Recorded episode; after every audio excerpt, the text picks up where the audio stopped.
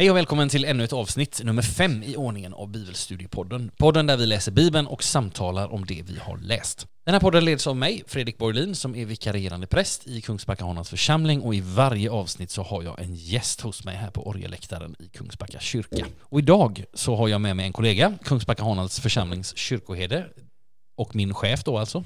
Välkommen hit, Kristoffer Rogerstedt. Tackar, tackar. Mår du Trevligt bra? att vara här. Ja, Absolut, jag mår bra. Gott att höra. Vill du berätta lite om dig själv? Eh, Ja, Kristoffer Rogestedt, eh, kyrkoherde här i Kungsbacka Hanhals. Har jobbat här i, ja, vad kan det vara? 16 månader nu någonting, Mm. ungefär så. Hur har, det, hur har de 16 månaderna varit? Ja, det var någon som frågade mig om sistens i något sammanhang, hur brukar det vara? Eh, och då sa jag att jag har ingen aning, så jag, för det har varit en pandemi större delen av tiden jag har varit här. Det är Just klart det. att eh, pandemin har präglat väldigt mycket under det senaste året. Mm. Det är ju faktiskt snart ett år sedan det här eh, bröt ut och har pågått och givetvis präglat all verksamhet. Men jag är ändå glad över att vi under det här året, vi har, även om vi har fått sända det, så har vi ändå på söndagarna firat gudstjänst. Mm. Och det känns att på något sätt så har ändå församlingens pulsslag kunnat fortsätta att slå även Mm. under den här tiden. Mm. Sen har det varit tråkigt att vi inte har kunnat samlas tillsammans och Mm. på plats och fira gudstjänsten. Men Mm. ja, det har varit ett speciellt år. Mm, det kan jag tänka mig. Du ska få en annan bibelrelaterad fråga också. När, Ja. var och hur läser du Bibeln? Ja, alltså givetvis så är det ju en kraftkälla i tron. Dels så finns det ju det här när man läser den för, för egen fördjupning och sen läser man ju också givetvis som ett arbetsverktyg. Just det. Nej men exempelvis, jag, jag läser väldigt tidigt om jag ska ha en, en gudstjänst så, så läser jag tidigt texten och låter texten liksom få växa och processa inom mig. Mm. Eh, Så att när man sen sätter sig och börjar jobba med predikan så så har den liksom funnits med under ett tag. Mm. Och sen också givetvis när man, det kan vara allt från när man jobbar med konfirmander till att man förbereder ett sånt här samtal. Mm. Så, så den, den dyker upp på så många ställen, Bibeln. Just det, både som arbetsredskap och som en, någonting personligt också. Ja, ja men precis. Om man gott att höra om. Vi ska göra så här kära vänner att vi ska strax ta oss an kapitel 5 i Markus. Men vi ska faktiskt först göra någonting lite annat. Det här är femte avsnittet nu. Vi har läst de fyra första kapitlen i Markus. Vi har därmed arbetat oss eller läst eller samtalat oss igenom 25 procent. Och därför så ska vi stanna upp lite bara och kort fundera över eller repetera vad vi har varit med om, vad vi har läst om tidigare helt enkelt så att vi vet vad vi utgår ifrån. Repetition är kunskapens moder finns det någon som sa och sen var det någon som sa att repetition är tristessens fader. Men det kan vara gott ibland när vi, innan vi går vidare att stanna upp och bara helt kort summera vad vi har varit med om och vad vi har stött på hit så här långt på vår Markusvandring.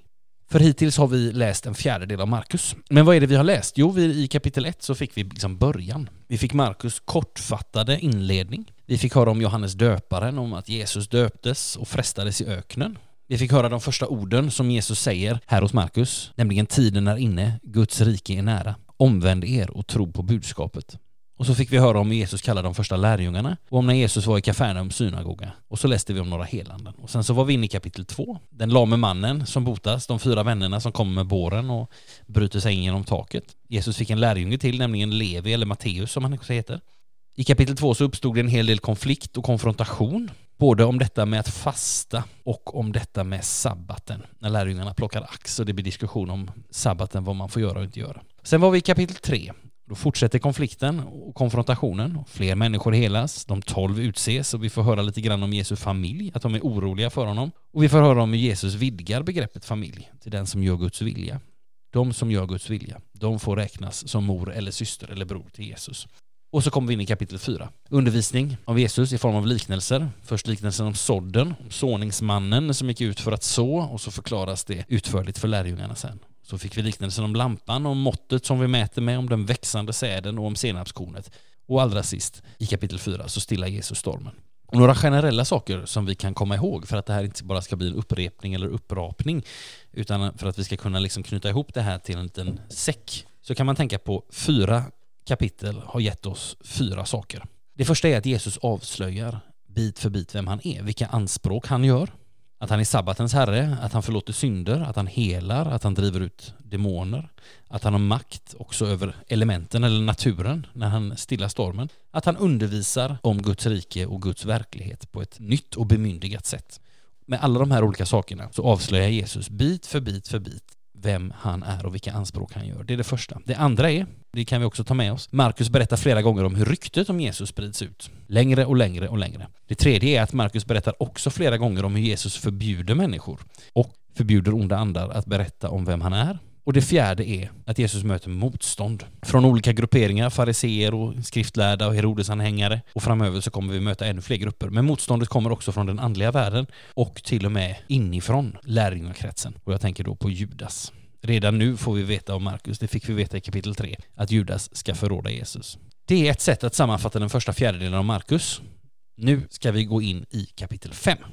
Det är Kristoffer som kommer läsa för oss idag och vi kommer att läsa kapitel 5 uppdelat i de här två avsnitten som kapitlet är uppdelat i. Och i min bibel, Bibel 2000, så heter de här, det första avsnittet som vi ska få höra nu, Den besatte och svinjorden.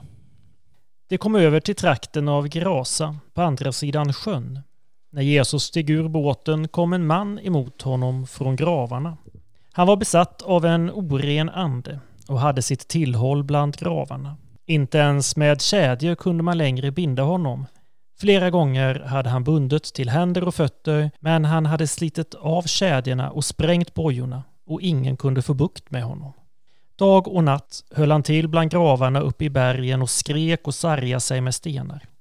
När han nu på långt håll fick se Jesus sprang han fram och föll ner för honom och ropade högt Vad har du med mig att göra, Jesus, du den högste Gudens son? Jag besvär dig vid Gud, plåga mig inte. Jesus hade nämligen just sagt åt honom Far ut ur mannen, du orena ande. Nu frågade han Vad heter du? Mannen svarade Legion heter jag, för vi är många. Och han bad honom enträget att inte driva dem från trakten. Nu gick där en stor svinjord och betade på bergssluttningen. Andarna bad honom Skicka bort oss till svinen så kan vi fara in i dem. Det lät han dem göra. Och de orena andarna for ut ur mannen och in i svinen och jorden rusade ut för branten ner i sjön. Omkring 2000 djur var det och de drunknade i sjön. Svinvaktarna sprang därifrån och berättade allt sammans i staden och ute på landet och folk gick för att se vad som hade hänt. De kom till Jesus och såg den besatte, han som hade haft legionen i sig, sitta där klädd och vid sina sinnen, och de blev förskräckta. Och ögonvittnena berättade vad som hade hänt med den besatte och om svinen. Då uppmanade de Jesus att lämna deras område. När han steg i båten bad mannen som varit besatt att få följa med honom. Men han lät honom inte göra det utan sa Gå hem till de dina och berätta för dem om allt som Herren har gjort med dig, hur han förbarmade sig över dig. Då gick mannen sin väg och lät alla i Degapolis höra vad Jesus hade gjort med honom och överallt häpnade man. Tack så mycket Kristoffer. Ja, vad tänker du på när du hör den här, eller när du läser den här, de här eh, verserna, det här avsnittet? Ja, den, den här texten tycker jag är, är spännande på, på flera sätt. Mm jag är överhuvudtaget eh, väldigt intresserad av, av, eh, av kyrkohistoria. Ja. Eh, och historia mm. också, för den sakens skull. Och en av de saker som, som jag varit mest intresserad av när det gäller de sakerna, både kyrkohistoria och historia de senaste 15 åren, är den tidiga kristna kyrkans mm. framväxt de, de, de första 500-600 åren i, mm. i romarriket och hur, hur det här har påverkat varandra. Och här möter vi faktiskt romarriket. Mm på ett lite annorlunda sätt, men man får mm. gräva lite i texten. Mm. Det här är ju första gången som Jesus är på främmande mark. Mm. Han har ju kommit över till Dikapolis, mm. som ju eh, var ett eh, område med många etniska folkgrupper, mm. med en romersk-hellenistisk eh, kultur. Mm.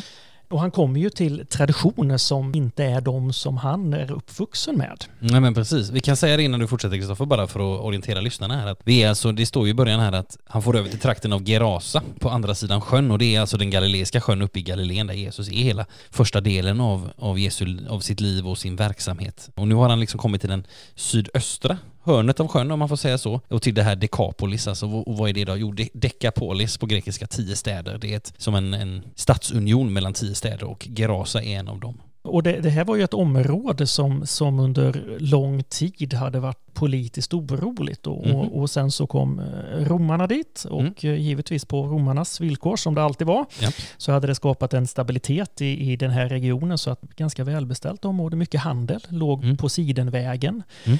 Porten mot öster. Eh, så att här möter vi på något sätt den här liksom, senare så ska ju kristendomen verkligen konfronteras med den romerska kulturen mm. i framväxten i Rom. Men här möter vi faktiskt den här mm. utan att det för den sakens skull eh, står. Och, mm. och, och, det finns lite, tycker jag, också spännande postkoloniala bibelforskare som har en liten spännande också tolkning på just den här berättelsen om, om mm. svinen. All right. Om vi ska ta det nu eller om vi ska... Ja, alltså, eh, ja men gör det. Eh, ja, men det, det, är ju som så här att den romerska legionen i hela den här regionen, eh, mm. som också var en, en, en, del av den, fanns ju i mm. Jerusalem, mm. Är ju den eh, tionde legionen, Frentasis, tror jag den uttalas. För den historieintresserade så tror jag till och med att det var Julius Caesar som en gång grundade den här legionen. Okay. Den är eh, alltså förlagd i, i Syrien och har det här som sitt område. Och den, eh, den här, varje legion i den romerska armén hade ju en, en symbol, oftast djursymboler. Mm. Och för den tionde legionen så var det ett vildsvin. Och då finns det då de här som man säger, postkoloniala senare bibelforskarna som menar att när Jesus låter den här anden fara in i svinen, mm. som ju är ett orent djur, ja, det. att det också då skulle varit en pik mot den romerska ockupationen som, som en oren ockupation, alltså som något mm. orent. Just det, lite, alltså en provokation helt En enkelt. provokation mot, mot, mot romarriket. Mm. Jag kan säga det också bara för att, att förtydliga det, att det gör ju också att vi förstår att vi är utanför judiskt område nu, att de har svin. De har svin. Och det har inte judar. Nej, Judar nej. äter inte fläskkött och befattar sig inte med grisar. Till viss del kanske det skulle också förklara att, att de som är där vill att han försvinner därifrån. Mm. För att de vill ju inte rubba sin eh, relation med romarriket eftersom mm. den, den innebär viss ekonomiskt uppsving. Ja, och sen blir det en åter, liten återkoppling till avslutningen på fjärde kapitlet. För, för svinen far ju ner och drunknar i sjön mm. i, i det här kaosvattnet som han i kapitlet innan hade mm. stillat. Mm, just det. Så att, eh, ja men det, det, liksom det, det, är en, det är en spännande text på, mm. på många sätt. Och det är väl det som, som jag tycker på något sätt också det här att, att under årtusenden så har också bibelforskning och bibeltolkningar gett fler djup åt Bibeln. Att det mm. är liksom inte ett stel text utan att, att den växer också ju mer vår kunskap om, om den eh, miljön som Jesus rörde sig i växer på något sätt. Ehm, så det finns lite olika tolkningar, men, men, men att det också skulle kunna finnas med som, en, som ett perspektiv just när han är mm. utanför mm. Sin, sina normala områden där han mm. rör sig.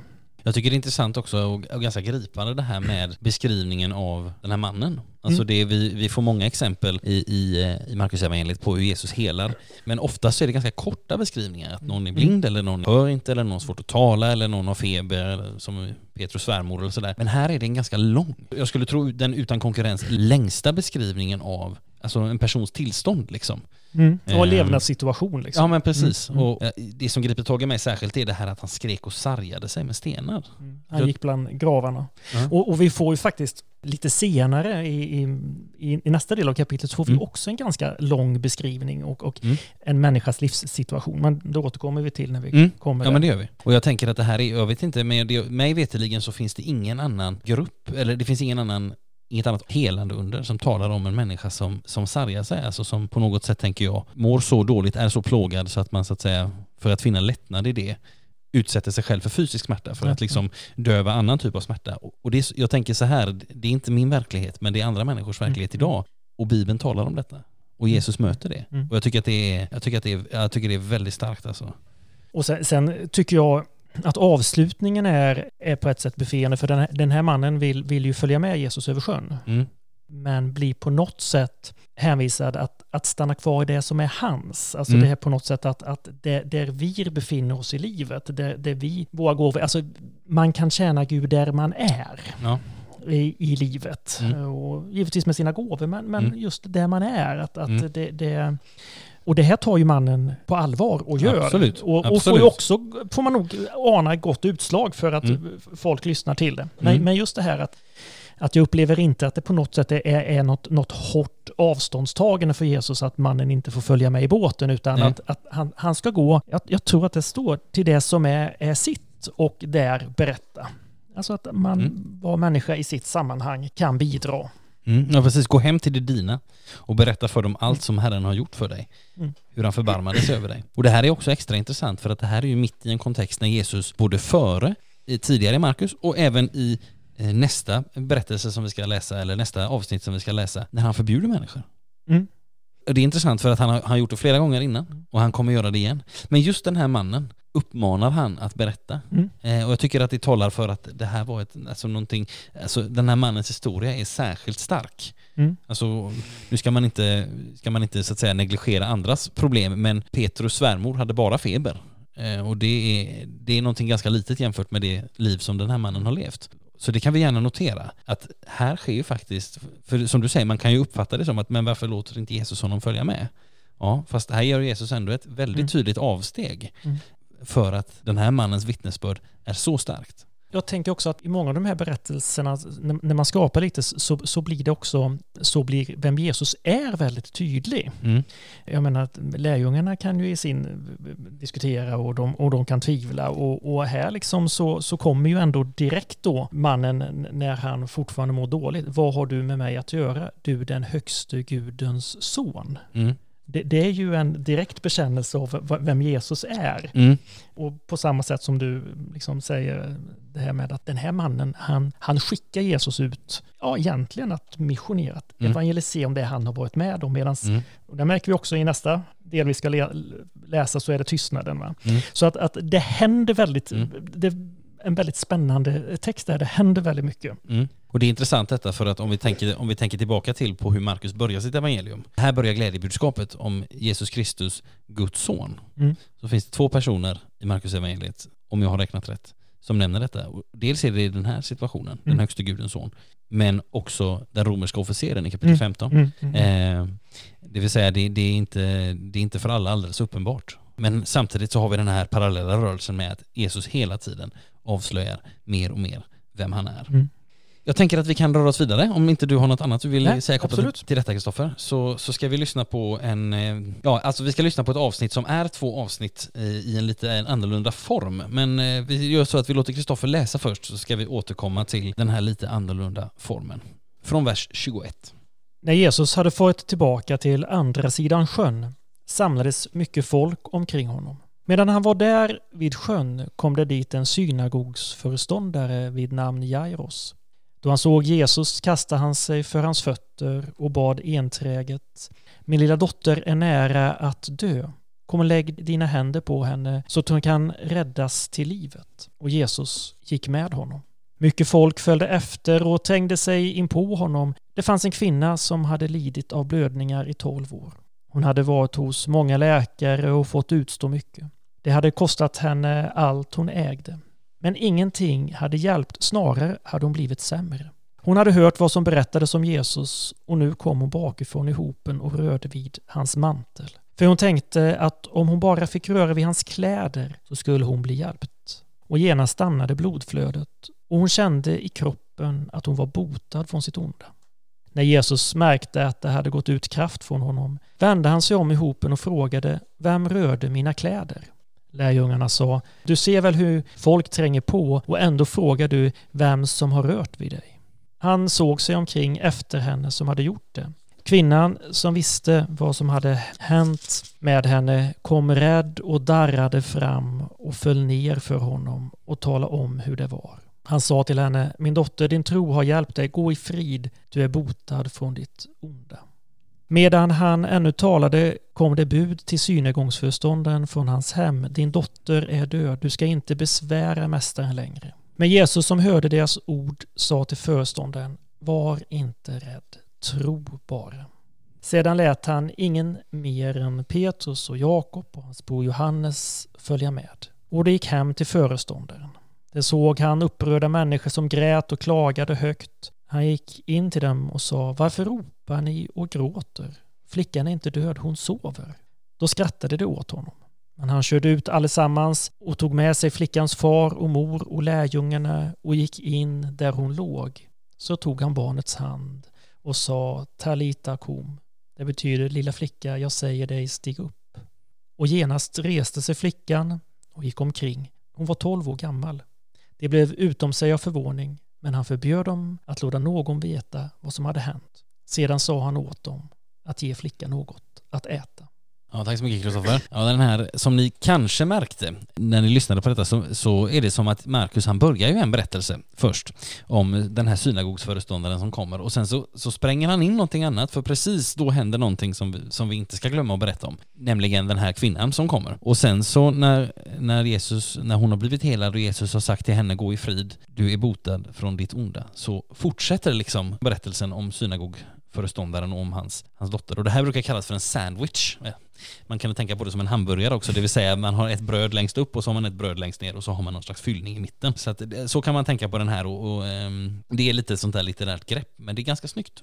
För att det är liksom, eh, vi börjar med någonting men sen så precis, oj här händer någonting och det vill Marcus gärna berätta om också. Och sen, men sen så är vi liksom tillbaka på, på huvudhistorien om man säger så. Vad jag också har eh, hört om det här, det är att det också är, kan vara ett knep för att lära sig att memorera saker utan till. Ah. För att när det här skrevs mm. så var ju inte det en tid då man kunde trycka böcker utan det skrevs också för att man skulle kunna memorera. Och, det. och det. här är ett sånt trick också för att om man ska komma ihåg ja, saker så lägger man in saker eller, eller det man upprepar tre gånger eller sådär. Och det var någon, jag kan inte exakt säga ordet på den, men jag läste en just bibelkommentar om det här som sa att det, det, det är också ett knep av Markus mm. för att lära sig texten. Man tror att det här skrevs någon gång på 70-talet. Mm. Att då fanns ju, man måste då också kunna memorera texten. Och att ja, lägger in det här som, mm. som ett litterärt men också då ett knep för att lära sig att eh, memorera. Mm. Det, ja, det är intressant det där. Alltså vi, får, vi får, även om det här är, vi kan kalla detta för en sandwich, eller vad vi nu vill kalla det. Ja. Eh, klockan är är halv fem nu, som ni hörde på kyrkklockan kanske, så att vi är lite hungriga här, så därför blir det matbilder. Men eh, det är ju samtidigt en berättelse, eller två berättelser, eller vad vi vill kalla det, om, om två helanden. Och på ett sätt är det ju en, en, ans, en ansedd person, eh, synagogföreståndaren, som får hjälp genom att hans dotter blir helad. Och så är det en, en oansenlig person, en kvinna i folkmassan. Alltså att det, det finns eh, det är två liknande berättelser men de, de, de sporrar ändå mot varandra. Lite. Ja, och, och precis. Eh, om, om man då tar kvinnan och Jairos så har de ju olika kön. Mm. Eh, de har olika social status. Mm.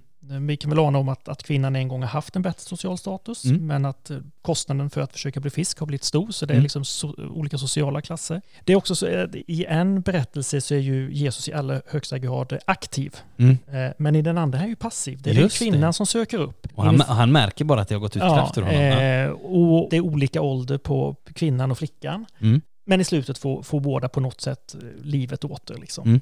Eh, så, så, det är som du säger, det, det är ju sådana spänningar liksom mm. hela tiden mellan, mellan olika, inte ytterligheter, men just det, mm. det, det, är så många olikheter som står mot ja. varandra. Liksom. Sen finns det en, en liten schysst detalj, det, kan, det här kanske, nu spekulerar jag lite, men det kanske också är en, eh, det kanske också är en sån här minnesregel, nämligen att kvinnan har haft blödningar i 12 år, flickan mm. är 12 år gammal. Mm. Så det är intressant. Sen, kan man, sen finns det en annan lite rolig detalj med den här texten, eh, tycker jag, det är det här att, som vi har varit inne på tidigare i podden, så är det så att Matteus, Markus och Lukas, de hänger ihop på ett särskilt sätt där många menar att Markus han har varit liksom den första att skriva och sen så har både Matteus och Lukas på något sätt använt sig av Markus som en förlaga. Alltså man har sagt att ja, det här är bra grejer, men vi har hört mer. Mm. Och så lägger man till saker. Och vissa saker, de omarbetar man lite. Och det som är så roligt med, den här, med det här avsnittet är att Matteus berättar i synnerhet liksom mittenpartiet här, alltså själva fyllningen på sandwichen med, med den här kvinnan. Det berättar han ganska kortfattat, han sammanfattar nästan historien. Men sen är det lite roligt för Lukas, han berättar väldigt liksom likt så som Markus berättar här, som vi har hört om. Men man brukar säga att Lukas var läkare. Mm. Och, och, ett tecken på det får vi här, för när Lukas återberättar det här, för det står ju om den här kvinnan att det hade kostat henne allt hon ägde mm. att gå till alla de här eh, olika personerna, men ingenting hade hjälpt. Och så skriver Markus så här, snarare hade hon blivit sämre. Mm. Och det har Lukas tagit bort. Så att han, man, kan, man kan tänka att han tänker lite på sina läkarkollegor. Ja, att, att liksom... Värna läkarnas rykte. Ja men, li, ja men lite så. För, för det, det, är faktiskt en sån här snygg detalj mm. och den, den, upptäcker man inte första gången man läser. Eller så gör man det. Men, men just det där att, att, och det kan vi också använda för att, för att eh, just peka på detta att ja, men Lukas hade någon form av, ja, man, man brukar kalla honom för läkaren. Mm. Eh, och det hittar vi liksom här i Markus. Sen, ja, precis. Och sen tycker jag också i den här berättelsen, just att, liksom, eller i, i förra berättelsen också, att mm. det är de små liksom, detaljerna som, mm. som gör det levande. När vi var inne på den här, liksom, att han gick där uppe bland, bland gravarna och, mm. och så. Och sen får vi det, det är 2000 svin, eller, och sen mm. att, att flickan var 12 år. Mm. Eh, det är de här små detaljerna som också gör berättelserna levande. Ja, alltså så man förstår att men det är tagna mm. ur människors liv. Men sen det är så underbart det här, det här sista, att hon ska ha något att äta, flickan. Mm. liksom. ja, ja, precis. det är också det var det, men, men ge henne något att äta nu liksom. Mm. Det kan tyckas utfyllnader, men det ger också en, bilderna mycket mer levande. Ja, men det blir mycket lättare att föreställa sig. Ja, men vad hände sen? Alltså, alltså huset där det här hände är lättare mm. att föreställa sig på grund av sådana detaljer. Jag kan, jag kan, tycka det finns en parallell där till, till kapitel 1 när Jesus helar eh, Simon, eller Petrus, svärmor och det stod att hon passade upp på dem efteråt. Och det är också så här, var, varför behöver vi den informationen? Ja, kanske för att, som ett tecken på att ja, men hon var verkligen frisk mm. liksom. Hon ställde sig inte bara upp med feber mm. för att liksom, utan, men det, det, blir som levande detaljer så här. Men, men jag tänker också, vi, vi kan ju på något sätt känna igen liksom om, om man har varit dålig eller mm. sjuk mm. Mm. och så, då har man ingen matlust. Nej. Men, men sen när mm. man blir frisk, ja, men då kommer den där matlusten. Mm. Ja, men man kan ta första mackan eller. Juicen eller första kaffekoppen. Ja. Nej, men just det där. Och man kan också tänka liksom att ja, men det mår ganska gott för flickan att få något i sig. Ja. Så. Ja men verkligen. Också det här att alltså, Jesu helande också ofta kantas av ja, men också den här omsorgen. Mm, mm. Alltså att det inte bara är någon slags löpande band-helande där liksom eh, så. Och jag tror att vi, vi kommer att se det längre fram också när vi får fler helanden av, av Jesus. Jag tänker framför allt på en grej kapitel 7, men det ska vi inte ta nu. Men just det här att man kan ofta leta efter det när Jesus hela människor, att också omsorgen finns där också väldigt tydligt utskriven ofta. Sen tycker jag en annan sak i den här texten, det är ju på något sätt att både lärjungarna och, och, och människorna runt omkring på något sätt men gör sig lite liksom förlöjliga Jesus lite grann. Ja, liksom. jo men det gör de här. Ja, men liksom lärjungarna, det är jättemånga människor, han har kommit tillbaks, de trycker på, det är jättemånga, vem som helst kunde ha rört honom och det är så, mm. ja men du förstår väl liksom, mm. alltså hallå, ser du inte många som, hur, hur ska du kunna veta vem som rör dig? Mm. Eller det här när de faktiskt kommer och skrattar åt honom, flickan är död. Mm. Liksom, här, här finns liksom inget för det göra. Och, och, just på något sätt att, och det, det, är lite samma som den, när vi läser om evangeliet och Jesus och barnen. Va? Mm. Lärjungarna försöker hindra barnen mm. från att komma till Jesus. Mm. Men på något sätt liksom att de här gränserna som vi människor sätter upp för vad som är möjligt eller omöjligt, eller mm. Eh, när vi vill sätta upp gränser för Kristus, så, så bryter Kristus alltid våra gränser mm. på något sätt. Ja, det händer mycket i de här texterna. Ja, och jag tycker, jag tycker det är så, det, vet jag flera gånger jag läst den här texten, så det här att Jesus säger, flickan är inte död, hon sover. Och de skrattar åt honom. Alltså det, mm. man tänker sig, är, är det den rimliga reaktionen? Liksom? Och vilka är de som skrattar? Är det lärjungarna eller är det, är det liksom människor på vägen eller är det liksom grannar som är där? Eller, alltså, men, men just det här att de, de skrattar, jag tycker nästan man, alltså hade vi en person som, som var död här nu inne och någon person hade kommit och sagt att nej men hon sover bara, då hade man kanske sagt att nej eller man hade kanske liksom lite tonat ner det eller alltså på något sätt, men man hade nog inte skrattat åt det.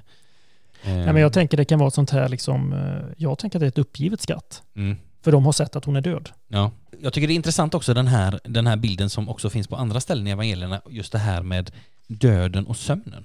Alltså jag tänker, för det finns, det finns andra exempel på det också, alltså det, på det det som vi människor kallar för döden, det är för Jesus bara en sömn. Alltså vi människor, vi drar ju en väldigt skarp gräns mellan liv och död och vi kanske kan säga om, om någon som vi känner när den dog att ja, det var den dagen och det var till och med den minuten mm. som, som sista andetaget gick. Men för Gud är ju den gränsen inte så skarp. Han finns ju före den gränsen och han mm. finns efter den gränsen och han finns till och med mitt på den gränsen. Vi kan till exempel tänka på ett annat ställe. När Jesus uppsöker eh, sin vän Lazarus som ligger sjuk och så vet Jesus att han, han redan har dött. Han säger till lärjungarna, vår vän Lazarus sover, men jag går dit för att väcka honom.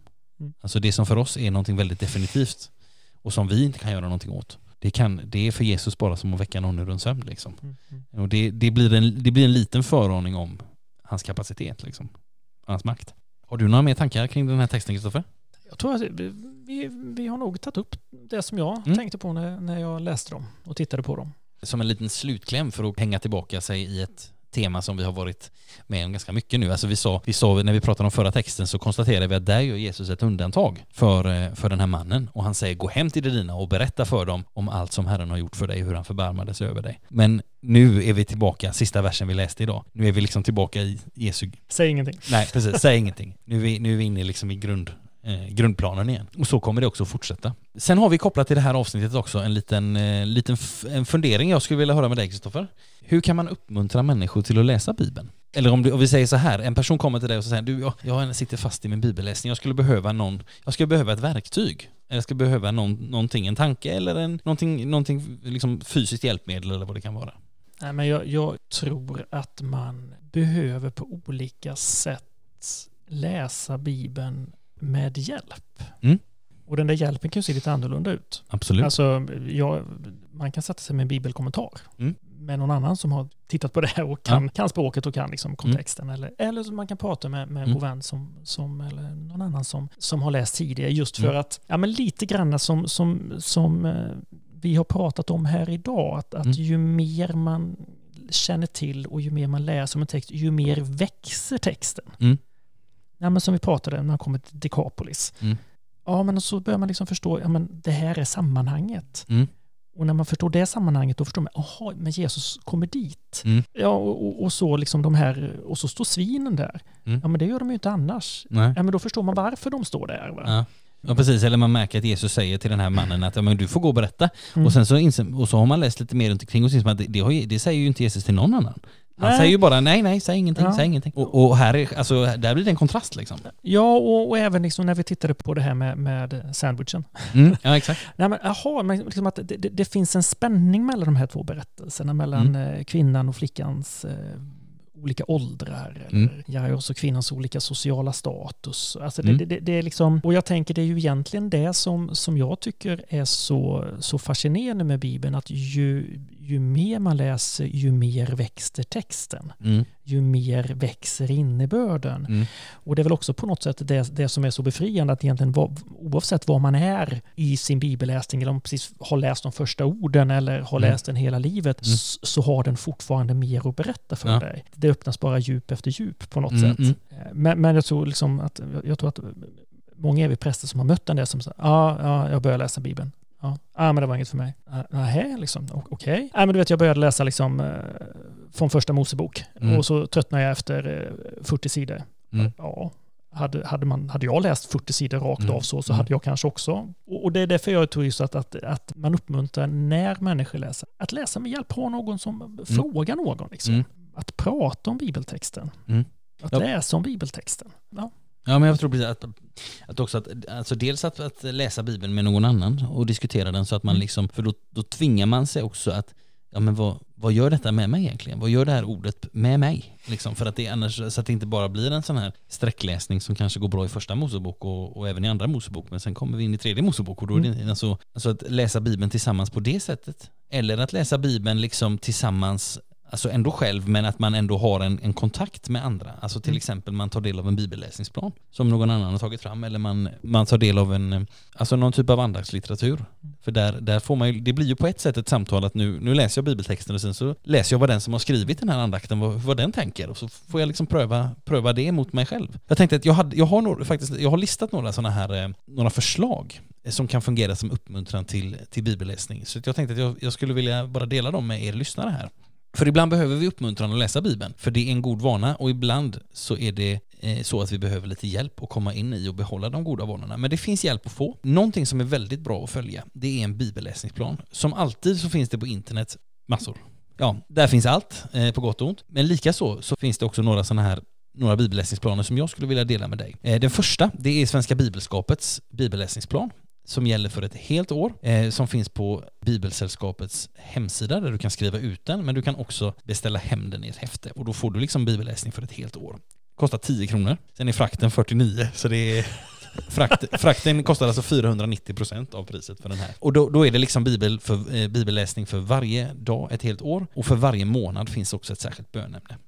Ett annat tips det är att kolla in organisationen Open Doors. De, det är en organisation som stöder världens förföljda kristna på olika sätt. Och på deras hemsida så finns det en bönekalender med ett böneämne för varje dag och ett bibelord kopplat till just det här specifika ämnet. Så oftast följer man den så ber man oftast för specifika, alltid specifika länder men också specifika, eller specifika regioner men väldigt ofta också för specifika församlingar eller till och med personer på, på platser. Man kan också prenumerera på deras magasin och då får man det hem i brevlådan sex gånger om året och så får man den här bönekalendern tryckt tolv gånger om året och det är faktiskt gratis. Men man tycker jag gör rätt i att stödja deras arbete. Sen om man vill ha lite mer kommenterat så kan man till exempel läsa Bibeln idag. Det är ett annat utmärkt verktyg för att bli uppmuntrad till att läsa Bibeln. Man prenumererar på den här tjänsten och då får man en liten bok hem i brevlådan. Och det är verkligen en liten bok, men den är, det är ändå en bok. I brevlådan fyra gånger per år. Och förutom ett stycke från Bibeln eh, så får man också varje dag några tankar som en liten andakt som är skriven av någon. Och det här är ett ekumeniskt projekt så det är alltifrån eh, Alltifrån katolska kyrkan, Svenska kyrkan, pingströrelsen, EFS, EFK, alltså för, företrädare för massa olika kristna samfund som gör det här tillsammans under den här eh, epitetet Bibeln idag. Sen kan man också nämna en, eh, liksom säga, the grand old lady i sammanhanget, nämligen Dagens lösen, världens mest spridda andaktsbok, som ges ut på 51 språk med en upplaga totalt på ungefär en och en halv miljon. Och den har funnits i Sverige sedan 1880 och kommer i en ny utgåva varje år. Och där får man då för varje dag två bibelord och så får man en dikt eller en tanke eller en psalmvers. Och där betalar man också en hundring kanske lite drygt om man köper den på nätet. Och då gäller den också hela året. Och ibland Sista tipset så är det gott att läsa Bibeln tillsammans med andra, få del av någon annans tankar. Och det kan man göra genom att läsa en andaktsbok som så att säga lägger ut texten för en. Eh, koppla betydelsen till, eh, till idag eller till ett större sammanhang. Och här finns det en uppsjö av, av olika saker. Här finns precis hur mycket som helst att upptäcka. Har du hittat den här podden så har du hittat till Kungsbacka församlings hemsida. Om du vill veta mer eller ha ett liksom specifikt tips till dig så kan du väl bara göra så att du söker upp kontaktuppgifterna och så kan du höra av dig ett mejl till någon av oss präster så lovar vi att eh, ge dig ett tips. Men det finns jättemycket att upptäcka både i kristna bokhandlar på internet men också i alldeles vanliga bokhandlar. Det är alltså några, några tips till uppmuntran att läsa Bibeln, att göra det till en god vana. Vi har pratat oss igenom Markus evangeliet kapitel 5. Du har varit här Kristoffer, stort tack för det. Tack för att du fick vara med. Ja, du är ju ändå min chef så jag kunde inte riktigt säga nej. Nej, det var jag som frågade Kristoffer, ska ni, ska ni veta. Väldigt gott att ha dig här, väldigt gott att få samtala om Bibeln. Gott att ha er med som lyssnar också och välkommen att fortsätta följa den här podden. Nya avsnitt kommer allt eftersom. Men vi gör så att vi rundar av här nu. Det gör vi. Eh, så att till er som lyssnat, allt gott tills vi hörs igen och Guds välsignelse. Och än en gång Kristoffer, tack för att du kom. Tackar, tackar. you